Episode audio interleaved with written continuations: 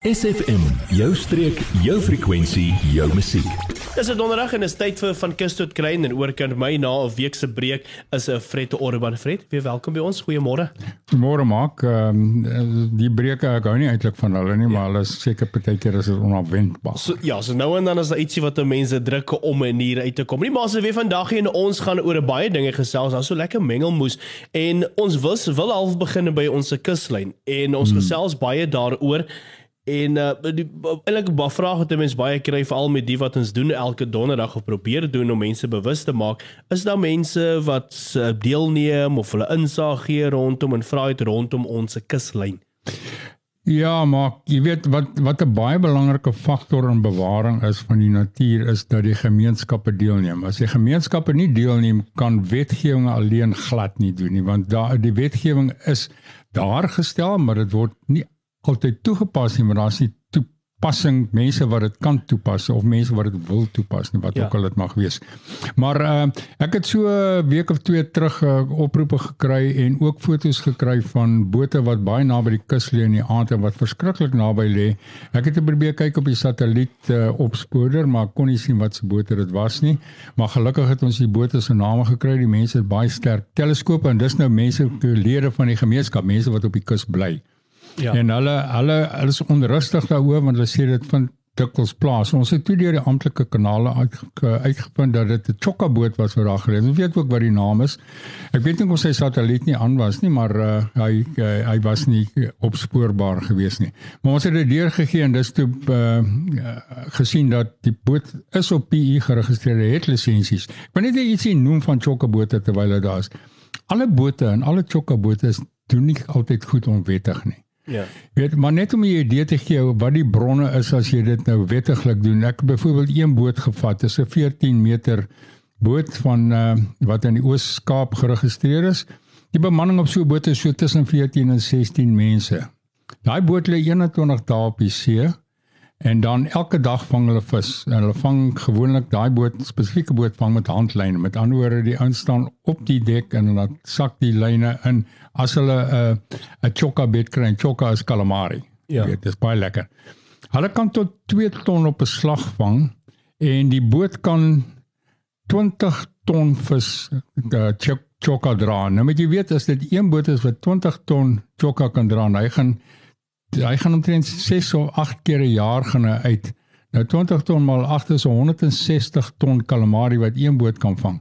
Nou as hy onwettig vang en hy doen dubbel dit dan is die uitwissing uh, duidelik as dit oor 'n lang termyn gaan. Ja.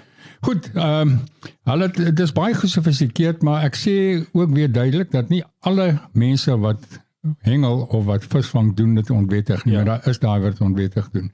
Dit bring my uh, ook uh, wat deur gemeenskap gerapporteer is, is walvisbote of bote wat na walvisse toe seil. Hulle doen hulle besigtiging daar ja, hulle besigtig hulle doen. Korrek. Nou daar's streng wetgewing wêreldwyd op walvisse en hoe hulle hoe hulle en hoe jy hulle kan benader. In ons waters is die suid die noordkapper walvis, die suidelike noordkapper walvis, die southern right whale. Hy kom nou so van Junie maand na Oktober gewoonlik in ons waters. Dan gewoonlik vakansietye kry jy die ouens wat die uh kom ons sê die skiebote het en hulle gaan uit en dan gaan hulle tot naby 'n walvis. Die wetgewing is baie duidelik, jy mag nie binne 300 meter van 'n walvis afkom nie. Maak nie saak wie is nie. As jy 'n lisensie hier 'n lisensie hier boot is in in Mosselbaai sal een of twee bote wat wel lisensies het. Hmm. Hulle kan na die walvis toe gaan. Hulle mag hom nie van voor of van agter af benader en jy moet hom van die kant af benader sodat hy baie duidelik kan sien hulle is ook daar. Hulle mag hulle mag tot 100 meter van 'n walvis af kom maar nie nader nie. Dis gelisensieerde bote. Nou ons weet dat party van die visserskuite gaan tot omtrent 20, 30 meter van 'n walvis af. Ja. Nou, maar daai ding, as hy besluit hy's kwaad vir jou, dan gaan daar niks van jou oorbly of van jou boot nie. Dis baie seker.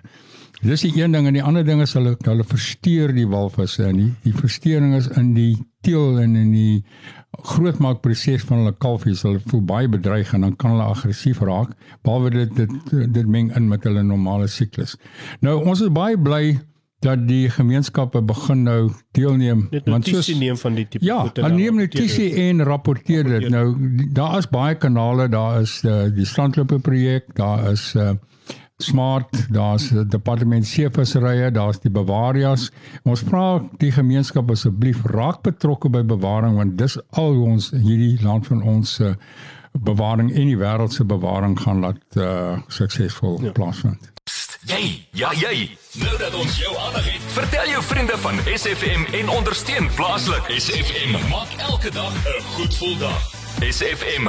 Dis van kus tot kruin en ons is besig om te gesels oor ons kuslyn en alles wat daar aan die gang is. Ons het begin met 'n vissersbote wat so naby aan die kus aktief is, maar nou Fred en dis iets wat ons nogals gereed sien vir al ons wat die voorreg het om meer op Hartenbos te sit. As jy hier by 'n restaurant sit, by ons in die kantoor het jy 'n halfe prentjie binne die see, as mens so kan sê, in groot skole dolfyne was ook die afgelope tyd opgemerk in 'n Dubai.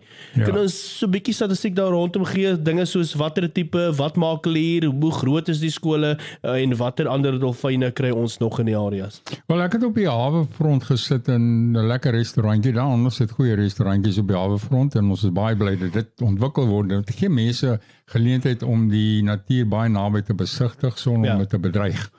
Ehm um, nou ja, ons het daar gesit. Ek het met 'n paar mense gesit hier van die Oos-Kaap en ons het uh, lekker gesit en eet en hier skielik sien daar in die verte sien jy hierdie water wat so wit skommel. Toe kyk ons en daar was 'n skool dolfyne gewees. Dit is baie moeilik om te skat hoe groot daai skool was, maar waarskynlik hier tussen 300 en 500 dolfyne. Ja. Nou dis 'n groot skool en wanneer hulle so maal dan is daar gewoonlik 'n skool vis naby hulle. Anders trek hulle hulle hulle maal so rukkie en dan is daar miskien 'n skool vis daarso en dan maak hulle hulle self vol en dan gaan hulle weer aan. En niemand weet eintlik waarheen hulle gaan nie, maar natuurlik die die soeke na alles altyd is kos. Jy weet so ehm uh, Daar is bevind dat van die groter skooldolfyne van die en dis die hierdie is die bottlenose dolfyn, dis ja. die bottlenose dolfyne wat hulle met common dolphin, die algemene dolfyn. Hulle gaan op tot so 1000 en ek is seker op twee geleenthede in my lewe te gesien wat dit ten minste 2 of 3 keer daai getal was. Want hulle hulle meer as 'n kilometer wyd is die skool en meer as 'n kilometer ja, breed is. En omtrent elke 3 meter is daar 'n dolfyn. Jy weet soos hulle nou swem. Die ander ding van dolfyne is 'n uh, eh, dis 'n baie intelligente uh, marine dier. Baie diere in die see snaaks genoeg is intelligent. Jy weet die die seekat byvoorbeeld en dis nou deel van die chokka familie soos ons ja. maar sê. Hulle is van die slimste uh, wesens in in die oseaan en walvisse is baie slim. Dolfyne het 'n kommunikasiemiddel wat hulle nou uitgevind het met moderne tegnologie. Ehm um, en die kommunikasiemiddel is uh, hulle fluit vir mekaar. Ja, uh, so daai gewordel ja. Ja, hulle vlieg vir mekaar en dan hoor hulle wat hulle sê. Die mense het nou dolfyne dan isoleer hulle hulle en dan probeer hulle optel en hulle kan sien dit sal sekerlik klanke gemaak word dan reageer die ander dolfyn of dolfyne op 'n ander manier. So dit is baie interessant om die dolfyne so dop te hou. Ons uh, hulle voer ook op skole vis, maar hulle voer ook op op hierdie calamari. Ek is bly ek is nie calamari nie want want werklik waar dis 'n lekker ny lyk my wêreldwyd. Hulle noem dit mos die wit goud, die calamari. So 'n dolfyn kan omtrent tot 35 km/h swem as hy haastig is. En dan wêreldwyd, hy's nie bedreig nie. Die bottelneus dolfyn is nie bedreig nie. Wêreldwyd is omtrent so 600 000 uh, van die dolfyne nog oor. In ons waters is die boggerug dolfyn ook baie keer sigbaar en daar hulle kom in kleiner skole voor tussen 3 en 5 ja. en 10 miskien per skool. Maar daar is omtrent net 1000 in Suid-Afrikaanse waters so uh, so wêreldwyd is hulle eintlik baie bedreig. Maar ons dolfyne gebruik ons dikwels in aquariums en uh, dan word hulle natuurlik vasgekeer as amper soos 'n papegaai in 'n hok. Hy's vry, maar hy's vry in sy hok. Ja. Weet en die dolfyn wat hy dan doen, dan bond hy met mense en dan kan mense hom baie leer want hy het nie 'n ander hy het nie 'n ander uitlaatklep sal ek net maar sê vir sy energie en vir sy intelligensie nie. So maar die mense om dan dan is hy leerbaar. Jy weet en gewoonlik gevind dit met kos plaas. Ons leer maar almal oor kos. Dit is so. Word deel van ons Facebookblad vandag nog facebook.com vorentoe skuinstreepie sfm streek. Dis van Kustot Klein op SFM. Ek gesels met Fred Orban. Nou Fred, een van die dinge waar ons gesels, ons het twee weke terug vir Marie de Klerk gehad van die Bavaria van Dannebaai en uh ons het baie punte aangeraak na die afgelope paar weke ook as dit kom by hommeltye. So kom ons wil net gou weet daar het draai gemaak haie en hommeltye die konflik tussen 'n bewaringsorganisasies en kommersiële hengelaars. Ja, uh, laas toe Marie was dit sy ook uh, inligting gegee wat gesê dat uh, dat sy dokumente van die uh, Mosselbaai lughawe wat sê dat hommeltye uh, is nie vliegbaar in die Danabaai en in baie ander omgewings nie. En dan's daar ander wetgewing ver, verbied dat hommeltuie gebruik word vir visvang. Jy weet dit moenie dit mag nie gebruik word nie. Die ouens wat 'n hommeltuie het sê ja, maar ons vang net een of twee op 'n slag en dan uh, dan is daar daai bote wat alles uitvang. Dis miskien alles waar. Maar jy weet soos ek uh, ook gesê het is uh, as 'n mens 'n lisensie het dan kan jy om 'n rembaan jag so vinnig as jy wil maar as jy nie 'n lisensie het nie is op die pad dan moet jy luister wat die padreël sê. Ja. Jy weet party mense sê ja hoekom maak daai pad? Dan hoor jy nie op die pad nie as jy nie ja, lisensie het. ja. ja, so uh, Mario sukkel nog steeds daarso maar dit lyk vir my die uh, die plaaslike owerheid en seevissery wat hulle ook nou weer ingebring het in die storie in. Daar was 'n appelsaak gewees deur die hommeltuie of deur die hengelaars van met hommeltuie en die saak is uh, uitgegooi deur die Hooggeregshof. So hommeltuie is onwettig om gebruik te word in kommersiële hengel en en in plesierhengel.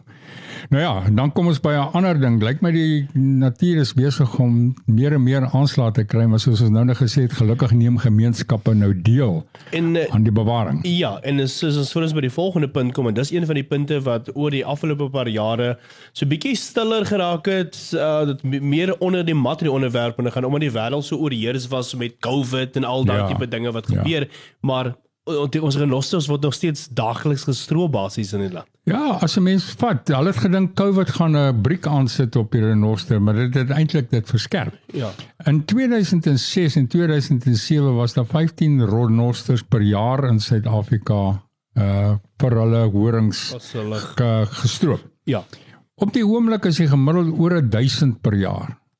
En meeste van hierdie hierdie stroping vind plaas in uh in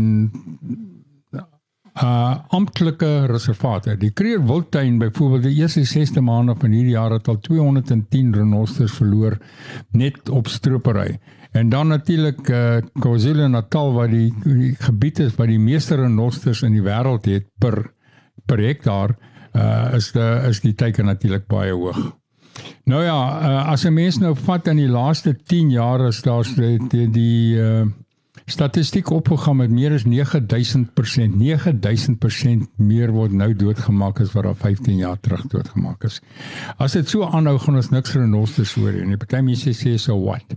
Maar as jy dit sê vir renosters dan kan jy net soos wel sê van enigiets in die biodiversiteit waar ons in lewe. Ons het daai biodiversiteit nodig en en nie net dit nie, die as meer geld kan gemaak word uit die bewaring van renosters as wat dit gemaak word uit die stropery daarvan. Uit die stropery daarvan is net 'n paar mense wat geld kry.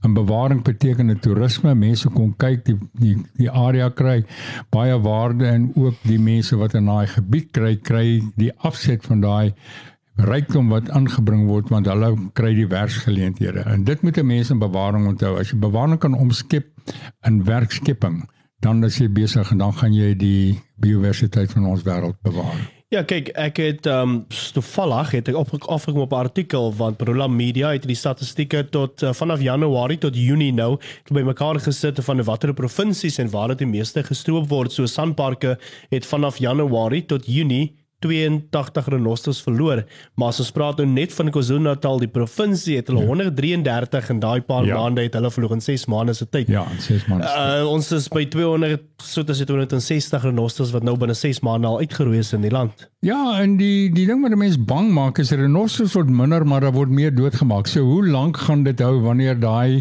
wanneer daai kruising na uitwissing daar is? Dit kan mos nie lank hou nie, dis mos onmoontlik. Want en, en, as hulle nou 1015 jaar terug doodgemaak ja. het, was daar miskien 10000 renosters. Nou is daar 5000 renosters, dan maak hulle 1000 jaar dus 1/5 van die populasie nou waar gaan dit eindig. En hoe lank nie met vir renoster dan weet dit teel of wanneer daar weer ek dink jy kom die om die populasie kans te gee om te groei of te herstel. Korrek. Renosters moet geteel word, maar dit moet ook vrygelaat word in die natuur en nie in hokke gehou word soos uh, wat hulle noem canned lion hunting en sulke dinge. Die, die die natuur is daar en meer gebiede moet beskikbaar gemaak word vir ja. die omgewing. Dis al wat 'n mens kan hoop op. Fred, dis waarvan ons tyd het vir hierdie donderdagoggend met van Kus tot Kruin. Baie baie dankie vir die inkom en die inligting. Ons maak dan weer so volgende donderdag. Baie dankie, Mark. Adverteer jou besigheid vandag nog op SFM. Vir meer inligting skakel SFM gerus by 044 801 7811.